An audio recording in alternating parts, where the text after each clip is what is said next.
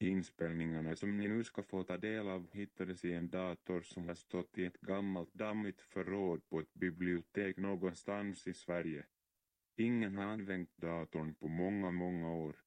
Vem det är som pratar på inspelningarna har vi ingen aning om. Ingen aning om, ingen aning om, ingen aning om, ingen aning om, ingen aning om.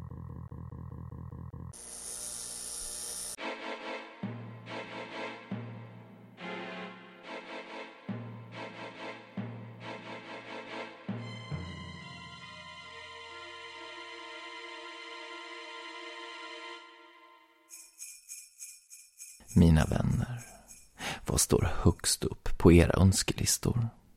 Är det kan hända hotfull stämning, blod i massor och ond bråd död? Grattis till er i så fall. Då får ni precis det ni vill ha nu. För nu är det dags att mysa till det ordentligt med juliga skräckhistorier. Håll till godo. I boken Julens monster av Andreas Palmer och Peter Bergting kan man läsa allt man behöver veta om hemskheter i juletid. Jag ska nu läsa några avsnitt ur denna bok. Vi börjar med att stifta bekantskap med nattfolket. Den som går i skogen mitt i natten känner snart kårarna krypa längs ryggraden. Ett djur skäller långt. En gren knäcks. Ögonen vänjer sig långsamt vid mörkret, men det gör bara allt hemskare.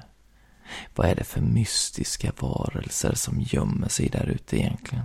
Det gäller att skynda på, att snabbt komma ut ur skogen. För har man otur kan det hända att man stöter på nattfolket. Ingen vet var nattfolket håller till under våren, sommaren och hösten. De mystiska varelserna visar sig bara under den mörkaste tiden på året, när julen närmar sig. Nattfolket smyger runt i djupa skogar och bland ensligt belägna gårdar. Den som möter nattfolket har en anledning att vara rädd, men det vet inte alla som går genom skogen. En mörk vinterkväll kommer en ensam bonde vandrande med den tunga packningen hängande över den krokiga ryggen. Han stannar till i en kyrka, ställer sig på knä inför korset och mumlar några böner innan han traskar vidare. Allt längre in i skogen. Natten omringar honom långsamt. Bonden är utmattad och sätter sig på en stenbumling. Benen värker så han vill gråta. Han är utmattad och ensam. Han fiskar fram sitt munspel ur västfickan och börjar spela en sorgsen melodi. Tonerna flyter in bland träden, in i tystnaden och mörkret. Och plötsligt står de framför honom. Bonden anar dem inte förrän de är alldeles nära. Nattfolket. Jag hörde dig spela, säger en av de grå varelserna. Jag kan lära dig att spela mycket bättre. Jag kan lära dig att spela så att kottarna dansar, så att trädens grenar vajar i takt. Bonden stirrar på munspelet. Erbjudandet är frestande. Om du kan spela lika bra som jag behöver du aldrig mer känna dig ensam. Då dansar hela skogen med dig. Varelsen ler mot bonden. Hans ansikte är mörkt och suddigt. Kom med här bakom trädet bara, så ska jag visa dig hur man spelar. Varelsens fingrar är långa, smala och starka. Snart ska de slingra sig runt bondens hals. Bonden reser sig och nickar ivrigt. Tröttheten är som bortblåst. Då sliter någon tag i den skuggliknande varelsen och väser. Jag såg den där bonden i kyrkan tidigare. Han är skyddad av Gud. Honom kan vi inte ta. Varelsen fräser så att spottet stänker och nattfolket glider in i mörkret igen. Bonden är återigen ensam i skogen. Han inser att varelsen var på väg att döda honom. Rapporterna om nattfolket är vanliga i slutet av året, när det gamla året är på väg att dö. Just en sån kväll har en man svårt att sova. Han vrider och vänder sig mellan smutsiga, svettiga lakan. Vid midnatt hör han plötsligt musik. Han sätter sig tvärt upp och tittar nyfiket ut genom fönstret. Där ser han en märklig samling som vandrar i ett långt tåg. Det är nattfolket som leder olyckliga spöklika varelser. Och mannen känner igen flera av dem. Alla som går i tåget är människor som ska dö under det kommande året. Det är under pestens tid. Många ska dö. Tåget är så långt att mannen inte ser slutet på det. Musiken spelas av döden som går allra längst fram. Han är lång och smal och håller i en fiol. Mannen försöker kränga på sig byxorna, men de fastnar vid knäna. Strunt samma. Han hukar sig vid fönstret och kikar försiktigt ut. Han är så nyfiken att han håller på att spricka. Vilka ska dö egentligen? Han fnissar när han ser sin snåla granne och där är handlaren som han är skyldig pengar. Han gäspar. Det börjar bli enformigt att titta på de döda. Han ska precis gå och lägga sig igen när han ser en människa i slutet av tåget som hoppar fram med byxbenen vid knäna. Mannen snyftar förtvivlat till. Han känner igen den där människan. Det är han själv. Nu förstår mannen att även han ska dö nästa år. De flesta historierna om nattfolket utspelar sig vid juletid, under de tolv dagarna mellan jul och trettondagen, då det gamla året dör och det nya föds. Man trodde att nattfolket var döda som rest sig igen. Ibland var de stillsamma varelser som strök omkring i skogen utan att vara till besvär. Men ofta var de farliga. Nattfolket spelade musik och var nästan omöjliga att se med blotta ögat. De kom gärna fram vid midnatt. Det var den tid då döda började röra på sig. Rapporterna om nattfolket började komma under 1600-talet, men kanske trodde man på dem redan innan.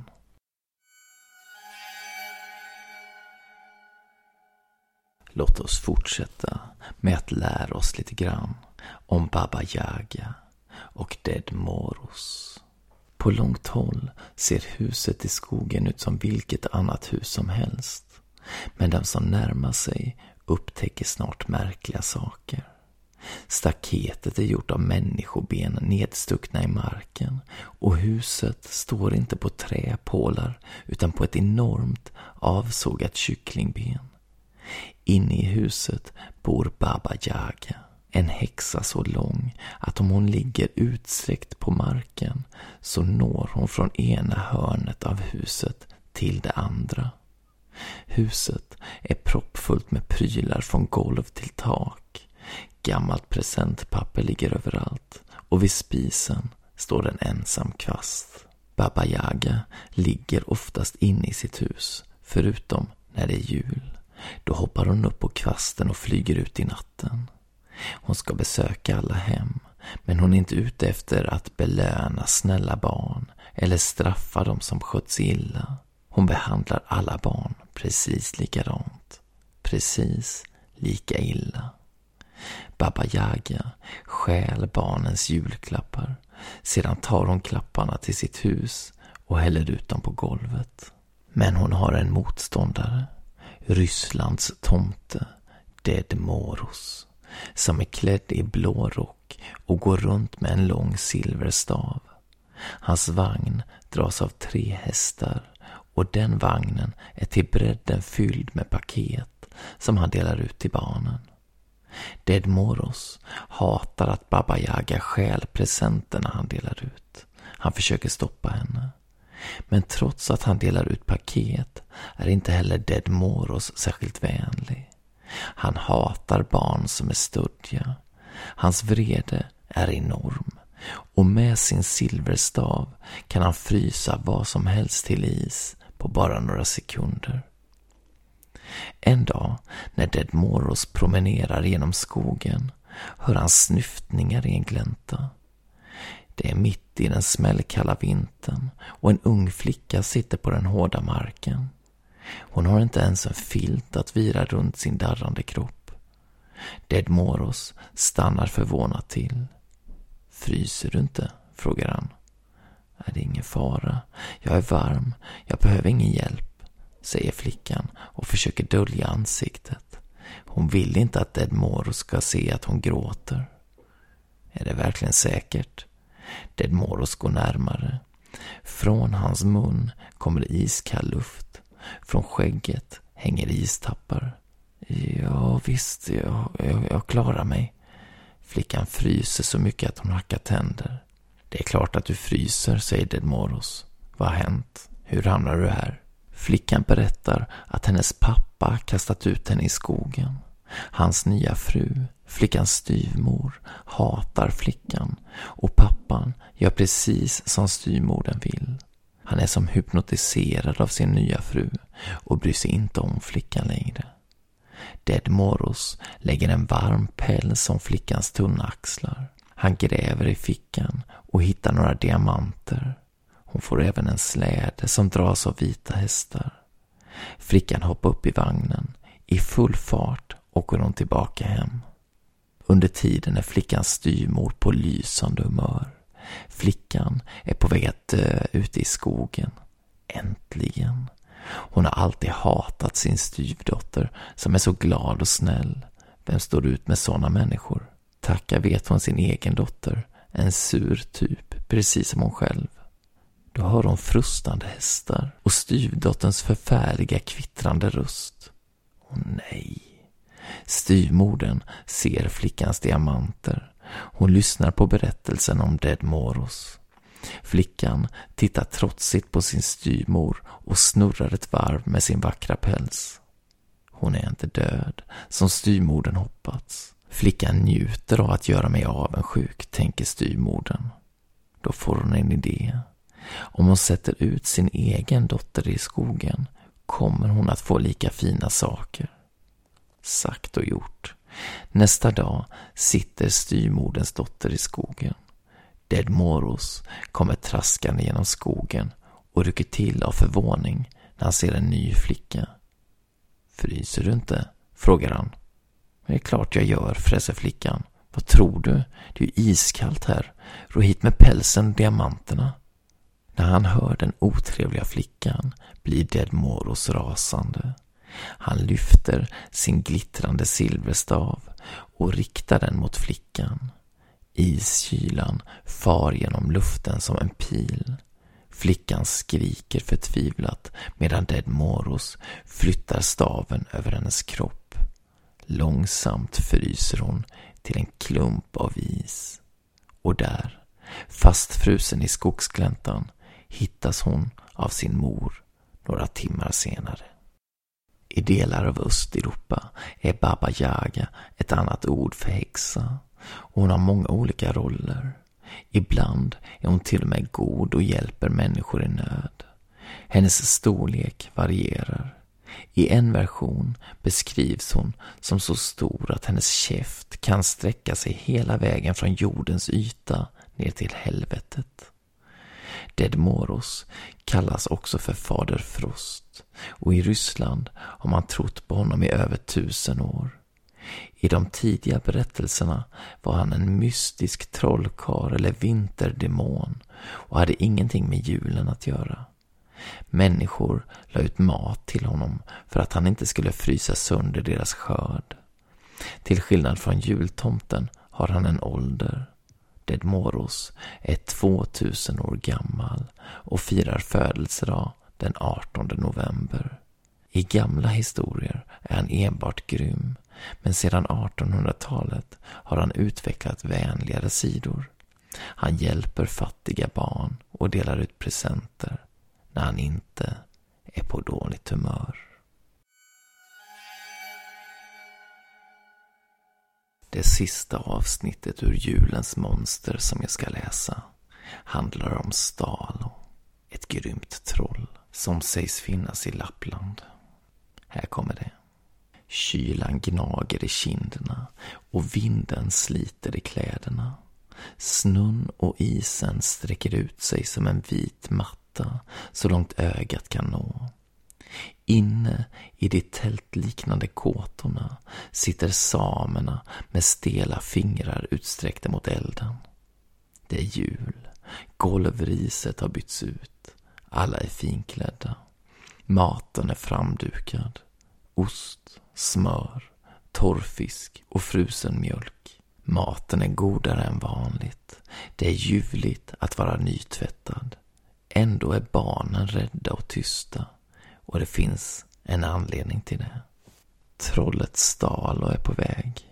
Varje julafton kommer han farande på sin släde som dras av tusentals råttor. Stalo har inga presenter i släden, men där ligger ett långt metallrör. Om han inte städat utanför kåtan, plockat undan leksaker och andra lösa föremål från marken, kan Stalos släde fastna och han ramlar ut i farten och rullar runt i snön.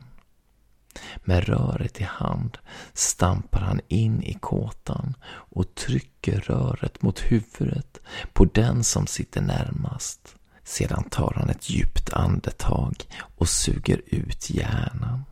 Själen färdas genom röret in i Stalo.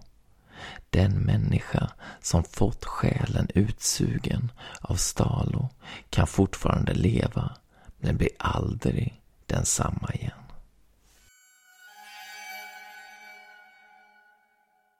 På sajten Scary for Kids hittar man berättelsen The Carol Singers.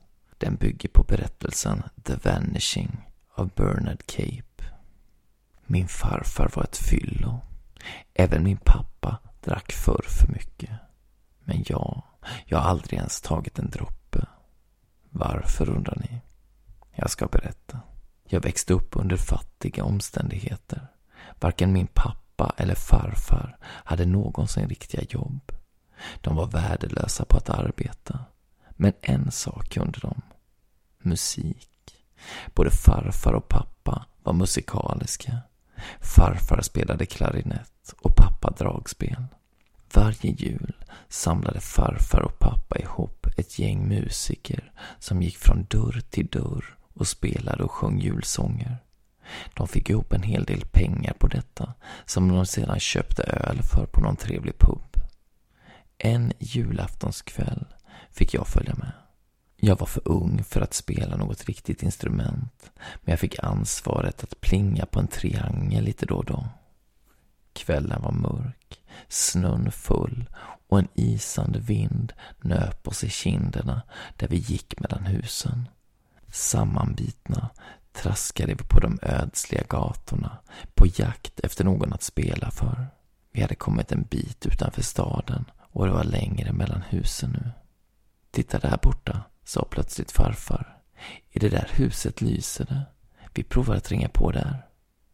Vi stod framför en stor herrgård med många juleljus i trädgården. Farfar knackade på och vi började spela några julklassiker.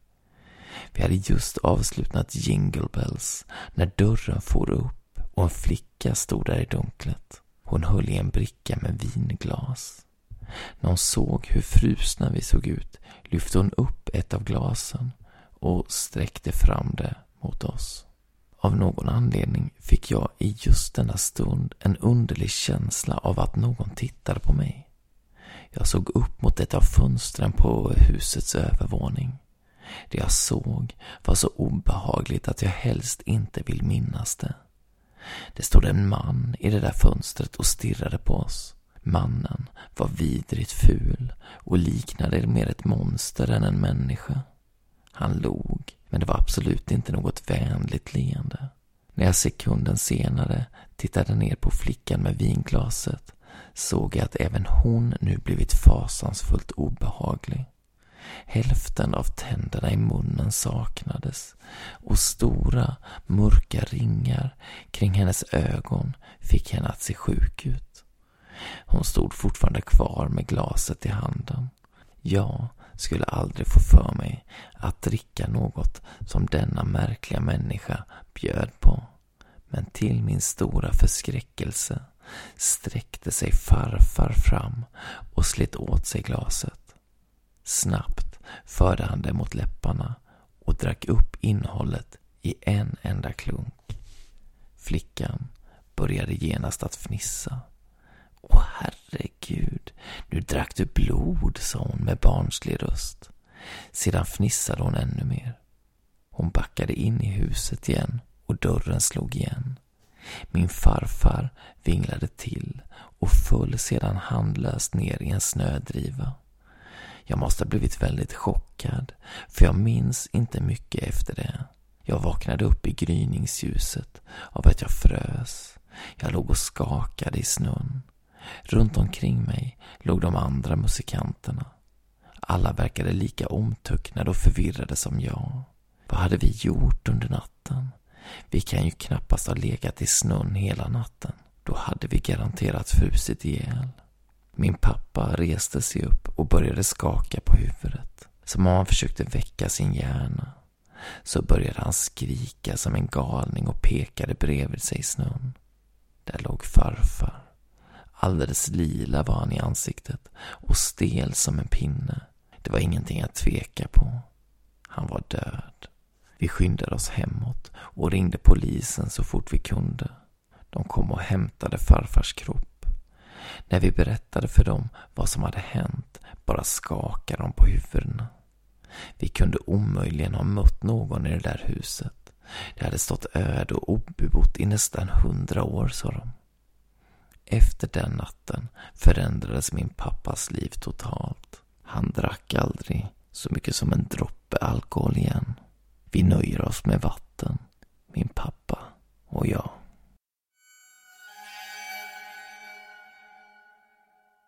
En annan historia som man hittar på Scary for Kids heter The Sock Puppet. Nu ska ni få höra den. Det jag nu ska berätta hände i en by på Irland för länge sedan. Där bodde en rik man. Han hette Mr O'Brien och ägde i stort sett all mark i trakten. Markerna arrenderade han ut alldeles för dyrt till fattiga bönder. Det var så han tjänade pengar. Mr O'Brien bodde i det största huset i byn tillsammans med sin vackra fru, sina två starka söner Jacob och Michael och sin lilla sjukliga dotter Lily.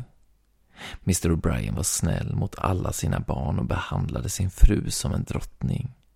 Men när det kom till affärer och pengar var han grym och hänsynslös. Han behandlade alla de bönder som hyrde mark av honom som slavar. Om någon någon gång blev sen med att betala hyran fick han genast flytta. Alla bybor hatade Mr O'Brien. Familjen hade ofta fest, men bjöd då endast släktingar och vänner. Festerna var påkostade och gästerna behandlades som kungligheter medan de övriga byborna svalt. Bröd och potatis var det enda de hade att äta. Ett år blev potatisskördarna ovanligt små. När vintern kom hade inte människorna i trakten tillräckligt med mat. Många svalt ihjäl. Mr O'Brien brydde sig inte alls om detta.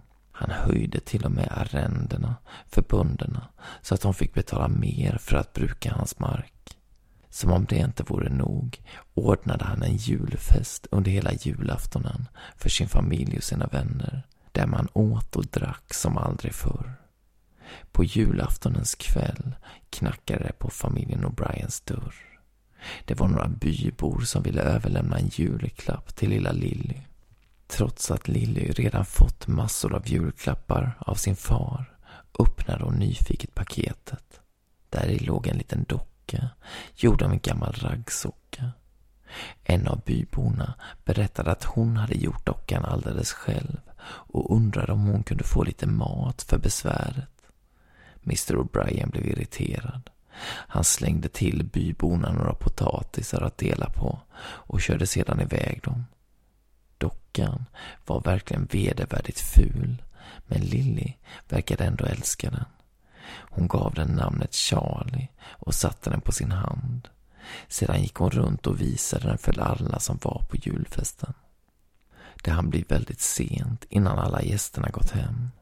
Mr O'Brien låste dörren och längtade till sin säng. Han började gå mot sovrummet. På vägen dit passerade han sin dotters rum.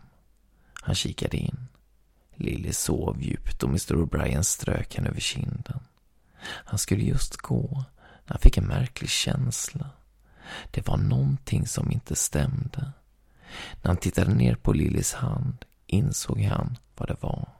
Dockan satt fortfarande kvar på handen. Av någon anledning tyckte Mr O'Brien att dockan kändes skrämmande. Dockans små knappögon stirrade hotfullt på honom. Mr O'Brien tittade på dockan en lång stund. Sedan ryckte han på axlarna och gick ut ur rummet. Han gick och la sig, men hade inte sovit länge då det knackade på sovrumsdörren. Både han och Mrs O'Brien vaknade. De låg där i sina sängar och såg hur handtaget trycktes ner och dörren gled upp. Lilly stod där i dörröppningen. Mamma, pappa, vakna.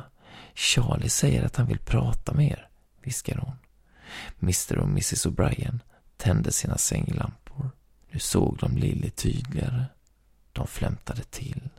Deras dotter var alldeles blodig. På handen hade hon fortfarande dockan. Den stirrade på dem. Med sin väna lilla röst fortsatte Lilly att prata. Charlie har redan talat med Jacob och Michael. Nu vill han så gärna prata med er, viskade hon. I flera veckor efter julhelgen var det tyst och stilla kring huset och Brian. De bybor som passerade huset såg inga tecken på liv alls.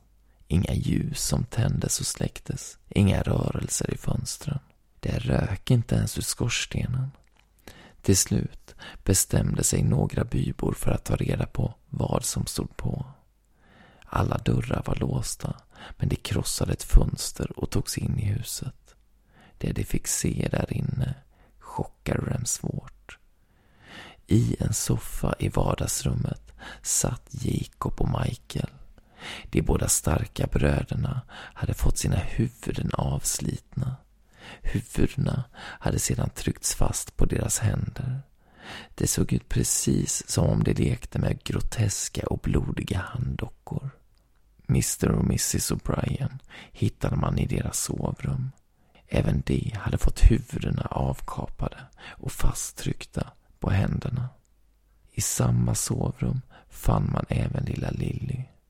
Hon satt på golvet i ett hörn. Precis som den övriga familjen hade hon förlorat sitt huvud. Men på grund av likstelheten var hennes händer utsträckta framför henne. På den ena handen balanserade Lillys blodiga och svårt sargade huvud. Och på den andra handen satt fortfarande handdockan kvar. Flickans huvud och handdockan var vända mot varandra. Det otäcka var att trots att Lillys huvud inte längre satt fast på hennes kropp så såg det nästan levande ut. Ögonen var öppna och tittade rakt in i handdockans knappögon. Och munnen, den log vänligt. Det såg nästan ut som om huvudet och handdockan talade med varandra. Många år senare, när de flesta hade glömt bort denna hiskliga historia, flyttade en ny familj in i O'Briens hus. Det var en läkarfamilj. Föräldrarna i familjen hoppades på att deras sjuka dotter skulle bli frisk av den rena luften på landet. Allt var bra, tills en natt då mamman vaknade av att dottern ropade på henne. Hon steg upp och gick mot dotterns rum. När hon närmade sig hörde hon klart och tydligt hur flickan pratade med någon. När Mrs O'Brien kikade in i flickans rum blev hon dock förvånad. För flickan låg där helt fridfullt i sin säng och sov.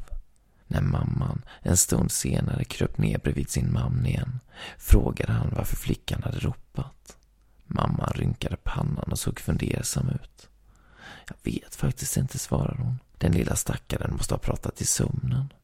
Men det var lite konstigt, för hon hade en gammal handdocka på handen. Har du någon aning om var hon har fått den ifrån? Jag tror vi får säga åt henne att slänga den imorgon. Den var obehaglig på något sätt. Det kändes som att den stirrade på mig. Slutligen ska jag läsa historien Grannen. Den är hämtad ur boken Under isen och andra rysliga berättelser av Tobias Gard. Hamse och Julia bodde i husen mitt emot varandra. Varje kväll, så länge de kunde minnas, hade de vinkat till varandra från sina fönster innan de skulle sova. På morgonen möttes de alltid på gården för att ha sällskap till skolan. Idag fick Hamse vänta några extra minuter innan Julia kom utspringande från sin port. Förlåt att jag blev sen. Jag försov mig. Jag har sovit så sjukt dåligt i natt. Lillebrorsan har skrikit efter Morris i sömnen hela natten. Han kom visst aldrig över att den där katten är borta. Nej, jag ska tjata på mamma så att vi köper en ny katt snart. Så blir det kanske lite bättre i alla fall. Julias katt hade försvunnit en månad tidigare.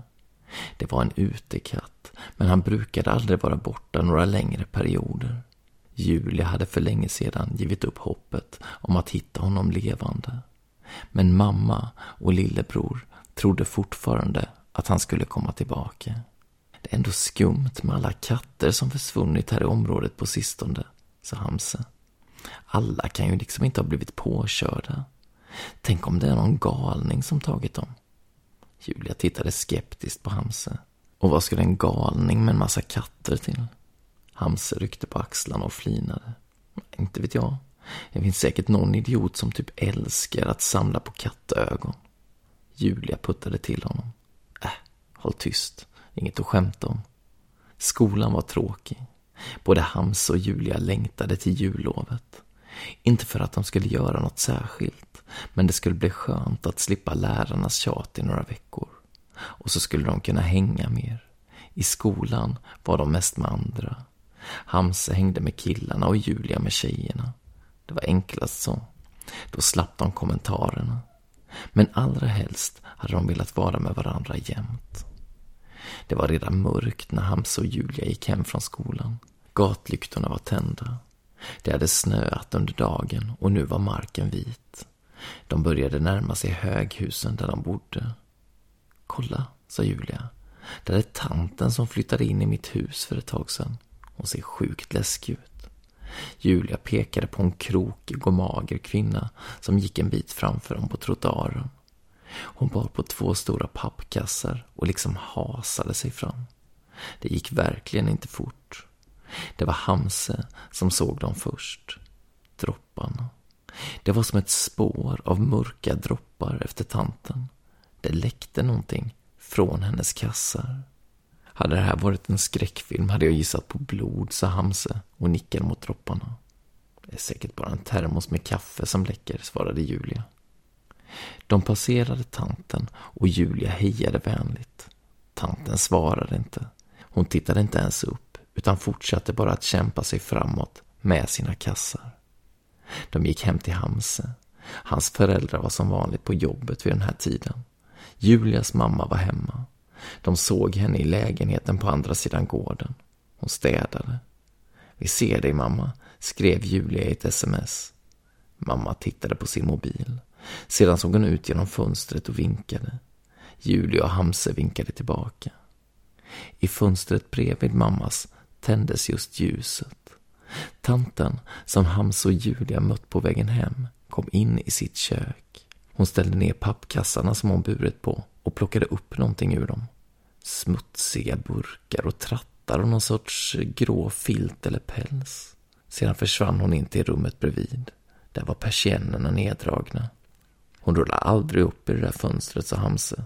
Lite skumt, tycker jag. Äh, skit i henne, sa Julia. Nu hittar vi på något istället. Var är iPaden? Just då hände det. Fönstret med persiennerna öppnades och tanten sträckte sig ut för att skaka av en matta. Hon hade bara stått där någon sekund när något dök upp vid sidan om henne. Både Julia och Hamse såg vad det var. De kunde knappt tro att det var sant. Det var en hand. En blodig barnhand. Tanten slängde snabbt ifrån sig mattan och tryckte undan handen. Sedan smällde hon genast igen fönstret. Det hände något skumt i den där lägenheten, mumlade Hamse. Vi borde kanske ringa polisen. Julia skakade på huvudet. Man skulle aldrig tro oss. Vi måste ta reda på mer först. Klockan var två på natten då Hamses mobil pep till. Han tittade yrvaket på displayen. Ett sms från Julia. Jag kan inte sova. Tänker bara på den där handen och på tanten. Är hon vaken? Hamse reste sig upp i sängen och kikade ut. Natten var stilla. Det snöade lite grann. Det var mörkt i nästan alla fönster i Julias hus, men i tantens kök var det tänt. Tanten vankade av och an där inne. Hon verkade arg och skakade hela tiden irriterat på huvudet. Hamse skrev till Julia. Tanten är vaken, sur som fan. Hör du något? Det låter som om någon bråkar, svarade Julia. Men jag vet inte om det är från tantens lägenhet. Just då såg Hamza att något kastades in i köket där tanten var. Från rummet bredvid. Ett glas. Det var tydligen fyllt med någonting, för det skvätte ordentligt när glaset krossades mot väggen. Tanten blev vansinnig. Hon vrålade av ilska. Men ilskan gick snart över och tanten satte sig på en köksstol. Vilken smäll, skrev Julia. Men nu blev det tyst. Inget mer bråk. Hamse fortsatte att spana i fönstret en stund till, men inget mer hände. Tanten satt kvar vid köksbordet och stödde sig på armbågarna. Till slut såg det ut som hon slumrade till. Hamse skrev på mobilen. Nu orkar jag inte mer. Inget händer ändå. Godnatt. Han fick inget svar. Julia hade redan somnat. Nästa dag var det lördag. För en gångs skull kom Hamse hem till Julia. Julias mamma och lillebror julpyntade. I lägenheten spelades julsånger. Men Hamse och Julia hade annat att tänka på. Har du pratat med din mamma? Om tanten menar jag. Julia skakade på huvudet. Jag tror inte att hon hörde något i natt. Hon sover med öronproppar. Det är liksom inte första gången någon bråkar här i huset. Hamse nickade. Jag tycker vi går och knackar på. Julia tittade skeptiskt på honom. Eh, hos tanten? Är du galen? Vad menar du att vi ska säga då? Ursäkta, men finns det några blodiga barn här inne? Hamse log. Äh, det löser sig. Kom. De fick ringa på flera gånger innan de hörde släpande steg närma sig dörren. Låset rasslade. Sedan öppnades dörren en glipa. Tantens magra och spetsiga ansikte kikade ut. Vill ni? fräste hon. Hamza harklade sig. Ja, förlåt att vi stör, men vi... Ja, Julia här, hon bor granne med dig. Så vi ville bara säga hej och hälsa dig välkommen. Du har väl inte bott här så länge, va? Tanten tittade forskande på de två ungdomarna som stod framför henne. Hennes ögon smalnade. Jag vet nog vad ni håller på med, väste hon. Lägg inte näsan i blöt, då kan det gå illa för er. Med en smäll drog hon igen dörren. Hamza och Julia stod kvar och glodde på den stängda dörren i någon sekund innan de lufsade tillbaka in till Julia. Det där gick ju inget vidare, suckade Julia. Äh, vi får inte ge upp. Imorgon ringer jag på igen och ber om att få låna någonting, typ eh, socker. Julia himlade med ögonen och visade tydligt hur korkad hon tyckte att Hamses plan var. Jag har en mycket bättre idé, sa hon sedan. Men vi måste vara försiktiga. Hon sprang ut i köket och började riva runt i lådorna. Snart var hon tillbaka. I handen hade hon en nyckel. Ja, mamma var kompis med de som bodde i tantens lägenhet förut. Hon brukade vattna deras blommor när de reste bort. När de flyttade så glömde hon lämna extra nyckeln till hyresvärden. Så du menar alltså att, ja, att vi kan ta oss in till tanten när vi vill? Resten av dagen satt de i fönstret i Julias rum och spanade ner på gården. Så fort någon kom ut från porten ryckte de till. Men det var aldrig tanten. Hade de sprungit över till Hamses lägenhet hade de haft bättre koll på vad tanten höll på med. Men samtidigt hade risken då varit stor att hon sett dem. Klockan var strax efter sju och det var mörkt sedan länge när tanten äntligen klev ut genom porten. I varje hand bar hon en pappkasse. Kassarna såg lättare ut än de hon burit på dagen innan. Nu får vi skynda oss, sa Julia och hoppade upp från sin plats. Hon är säkert inte borta länge. Julias mamma och lillebror satt och såg på tv i soffan. Ja, vi går ut en liten sväng, sa Julia när hon och Hamse passerade dem. Ja, okej, okay, men ta på er ordentligt och ja, var inte ute för länge, svarade mamma utan att släppa tvn med blicken. De såg sig noga om i trapphuset innan de klev fram till tantens dörr. Julia vred om nyckeln. Sedan öppnade de försiktigt. Tanten hade lämnat tänt i köket. Men i hallen och i rummet bortanför köket var det släckt. De gick in utan att ta av sig varken jackor eller skor. Köket var stökigt. Den ena väggen var nedstängt. Glaset från natten innan låg i bitar på golvet. Diskbänken var fläckig och glas och skålar stod staplade på varandra i diskhon. Allt porslin hade mörka ränder av smuts längs kanterna. Hallå? ropade Hamse. Är det någon här? Genast hördes ett ljud från rummet bredvid. Någon rörde sig där inne. Varken Hamse eller Julia vågade gå fram till dörröppningen. Vi hör att du är där inne. Kom ut i köket. Vi vill hjälpa dig, sa Julia. Hon försökte låta lugn, men hennes röst darrade. Det dröjde någon sekund. Sen kom svaret. Jag kan inte. Det var en liten röst, ljus och sorgsen på något sätt. Utan att tveka gick Hamza och Julia fram till dörröppningen. En person med den där rösten behövde de inte vara rädda för. Hamza hittade lysknappen. Det de såg när rummet blev ljust fick dem nästan att trilla omkull. Rummet var i stort sett tomt. Inga möbler, inga tavlor på väggarna, ingenting. Men i det ena hörnet, precis bredvid fönstret, stod en bur. I buren fanns bara en säng, inget annat. Och i sängen satt en flicka. Hon såg ut att vara ungefär tio år. Svart lockigt hår och stora mörka ögon. Pyjamasen som hon hade på sig hade nog från början varit ljusblå. Nu var den fläckig och grå av smuts. Flickan såg oroligt på Hamse och Julia. Har ni kommit för att rädda mig? Julia nickade. Varför håller hon dig instängd här? Flickan ryckte på axlarna och såg ner i golvet. Jag vet inte. Hon är väl ensam och vill ha mig som sällskap. Vi måste få ut det härifrån, sa Julia. Hur länge är tanten borta, tror du? Ja, hon vittjar fällorna. Det brukar ta typ en timme. Hamse såg frågande ut. Eh, fällorna? Vilka fällor? Ja, hon fångar katter och harar till mig. Ibland får jag dem hela. Om hon orkar häller hon upp i glas. Men jag gillar inget av det. Jag vill ha annat. Först nu såg Hams och Julia vad som fanns under flickans säng. Tre livlösa kattkroppar och så några glas med rödsvart sörja på botten. Herregud, det här blir bara sjukare och sjukare. Jag ringer polisen, sa Hamse och plockar upp sin mobil. Eh, nej, gör inte det, skrek flickan förskräckt. Jag är på rymmen från ett fosterhem. Kvinnan i den familjen var ännu elakare än tanten här. Polisen kommer ta mig dit igen. Hjälp mig att rymma istället. Hamse och Julia såg osäkert på varandra. Vad skulle de göra? Sedan tittade de in i flickans bedjande ögon och bestämde sig. I högt tempo började de gå igenom lägenheten. De ryckte ut lådor och öppnade skåp, men hittade inte det de var på jakt efter. Paniken växte. Flickan såg på dem. Ja, är det nycklarna till buren ni letar efter så kan ni lägga ner.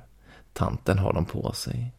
Hamse tittade uppgivet på flickan och satte sig sedan med ryggen mot burens galler. Strax därpå slog sig Julia ner vid hans sida. Det finns bara en sak vi kan göra, sa Hamse tyst. Vi måste överraska tanten när hon kommer hem och ta nycklarna från henne. Julia tittade fundersamt på honom. Det kändes fel att ge sig på en gammal tant. Men det här var ju ingen mysig mormor precis. Och flickan måste komma ut ur den där buren. Några minuter senare var de redo. Hamse stod gömd bland kapporna precis bredvid ytterdörren. Julia hade krupit in bakom en fåtölj lite längre in i hallen. De ansträngde sig båda två för att vara tysta, men de lyckades inget vidare. Stressen och rädslan gjorde att de andades snabbt och ryckigt. De lyssnade spänt efter steg i trappan. Nu kommer hon strax, viskade plötsligt flickan i buren. Jag känner det på mig. Och mycket riktigt. Sekunden efter hörde de hur porten öppnades och sedan hur tanten hostade några gånger. Det dröjde ett tag innan hon tagit sig upp för trapporna, men snart rasslade det till när nyckeln sattes i låset. Hamse gjorde sig redo. I handen hade han ett rep. Planen var att kasta det kring tanten direkt då hon kom in och binda henne. Dörren öppnades. Tanten klev in. Hon tittade sig omkring i en sekund och böjde sig sedan ner över kassan hon hade med sig. Nu hade Hamse chansen. Han tog ett steg ut från sitt gömställe och skulle just trä repet kring tanten då hon med en blixtsnabb rörelse drog upp någonting ur en av sina kassar. En kniv. Hon riktade kniven mot Hamses ansikte. Bra försök, lilla vän, skrockade hon. Hon grep Hamse i armen med sina knotiga fingrar. Hamse kände hur de långa naglarna skar in i huden. Sedan höll hon kniven mot ryggen på honom och föste in honom mot köket. Mm, det var inte så mycket i fällorna idag. Men jag kan nog pressa ut någonting ur dig istället, väste hon. Hamse vred på huvudet och tittade skräckslaget på henne. Men tanten visade ingen medkänsla. Så går det när man lägger sig i sånt som man inte har med att göra. Gå fram till fönstret och rulla ner persiennerna. Jag är trött på nyfikna grannar. Hamse gjorde som hon sa. Tanten följde efter honom, fortfarande med kniven i handen. Ja, du ska inte tro att jag gör det här för skojs skull, muttrade hon. Jag måste för att... Klonk. Tanten tystnade och segnade ner på golvet. Hamse vände sig om. Där stod Julia med en stekpanna i handen. Hamse såg på stekpannan, sedan på tanten och så på stekpannan igen. Eh, slog du henne med den där, sa han och tittade imponerat på Julia. Hon nickade allvarligt och släppte stekpannan som föll i golvet med en smäll. Du är fan bäst. Hamse sprang fram till Julia och gav henne en stor kram. Sedan började han leta i tantens fickor. Ganska snart hittade han en nyckelknippa. Med den i högsta hugg sprang han in till flickan i buren. Julia följde efter. Flickan ryckte otåligt i gallret. Kom igen, öppna! Hams vred om nyckeln och flickan sprang ut. Det här ska jag aldrig glömma, sa hon och såg tacksamt på Julia och Hamse. Tillsammans gick de ut i köket. Tanten låg fortfarande kvar på golvet men hade börjat röra på sig. Snart skulle hon vakna. Då måste de ha kommit därifrån. Hamse tittade ner i kassarna som tanten hade haft med sig. Kattpäls och blod. Han rös till av äckel. Sedan tog han sig samman. Ska du inte ta med dig något att äta när du sticker? Frågade han och nickade mot kylskåpet. Flickan svarade inte först. Hon fastnade med blicken på Hamse. Som om hon funderade över någonting. Sedan skakade hon på huvudet. Nej, jag fixar annat. Spring in till er nu. Det är farligt för er här. Jag ska bara plocka ihop mina grejer. Sen sticker jag också. Hamse funderade. Ja, men klarar du dig själv nu då? Du är ju bara ett barn. Flickan log. Jag är äldre än du tror. Här inne. Hon pekade på sitt hjärta. Dessutom har jag varit på rymmen i nästan hela mitt liv. Jag är van. Hamse nickade och både han och Julia gav flickan en kram. Sedan gick de tillbaka in till Julias lägenhet. De satte sig vid fönstret i Julias rum och väntade på att få se flickan komma ut från porten. Men inget hände. Till slut fick de båda två svårt att sitta stilla. I deras huvuden snurrade tankarna. Varför kom aldrig flickan? Hade tanten lyckats hålla henne kvar på något sätt? Och tänk om tanten plötsligt skulle ringa på hos dem och Julias mamma släppte in henne. Vad skulle de göra då? Hon skulle ju vara helt vild och vilska. Skulle hon försöka skada dem? De borde kanske ändå ringa polisen. Men de hade ju lovat flickan att inte göra det. Klockan halv elva hade fortfarande ingenting hänt. Varken tanten eller flickan hade synts till. Hamses föräldrar hade hört av sig flera gånger och tjatat på honom att komma hem. Nu stod han och tog på sig jackan i tamburen. Julia följde honom ut i trapphuset. Innan Hamse gick la han örat mot tantens dörr. Helt tyst, viskade han. Tänk om tanten dog när jag slog henne, sa Julia med darr på rösten. Hon var alldeles blek av förskräckelse. Men Hamse höll sig lugn. Du såg ju själv hur hon rörde på sig, svarade han. Hon sitter säkert där inne nu med något kallt tryck mot bulan. Hamse gick ner för trapporna. Julia stod kvar en stund i dörren innan hon gick in till sig igen. Hon var extra noga med att låsa. Blinkande blått ljus väckte Hamse. Han tittade på klockan. Mitt i natten. Långsamt klev han upp och tittade ut. På gården stod det tre ambulanser och två polisbilar. Folk sprang ut och in i Julias port. Hamse slängde på sig kläderna och sprang ut. Julia stod redan där nere i nattlinne och dunjacka. Vad har hänt? flåsade Hamse. Julia började berätta utan att släppa blicken från sjukvårdarna som rörde sig vid porten. Familjen i lägenheten under mig har blivit attackerade. Någon har tagit sig in till dem i natt. Alla fyra är döda. Är det tanten? Jag tror det. Hon verkade inte så stark. Men att anfalla någon som sover kan ju inte vara så svårt. Och flickan då? Vad är hon? Julia ryckte på axlarna. Jag har inte sett henne. Just då såg de hur två sjukvårdare kom ut genom porten med en bår emellan sig. Julia rynkade pannan. De har redan burit ut fyra kroppar. Vem kan det där vara? Flickan, nästan skrek Hamse och sprang fram mot porten. Julia följde efter. Chocken de fick då de kom fram var enorm. Det var inte flickan som låg där på båren. Det var tanten. Alldeles blek var hon. Men hon levde och nu fick hon syn på Julia och Hamse.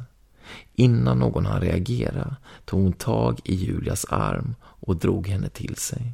Julia blev rädd, men tanten gjorde henne inte illa. Istället försökte hon säga någonting. Hennes röst var svag, men Julia hörde. Jag skulle ha dödat henne genast, då jag förstod vad hon var för någonting. Men jag kunde inte. Djur kan jag döda, men barn, där går gränsen. Och nu är allt för sent, när jag släppt ut det lilla monstret.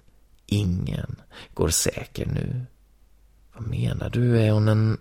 En sjukvårdare tittade stressat på Julia. Jag är ledsen, men du måste flytta på dig, sa han. Hon måste till sjukhuset fort om hon ska klara sig. Det sista Julia såg innan sjukvårdarna bar iväg tanten var bitmärket på hennes hals. Ett märke skapat av små vassa tänder, som om en barnmun bitit sig fast där på jakt efter blod. Ho, ho, ho, som en känd tjock farbror skulle ha sagt. Visst var väl det där en riktigt mysig historia så här i juletid. Det var allt för den här gången.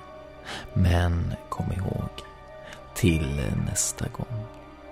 Ondskan finns där ute. Så håll ögonen öppna.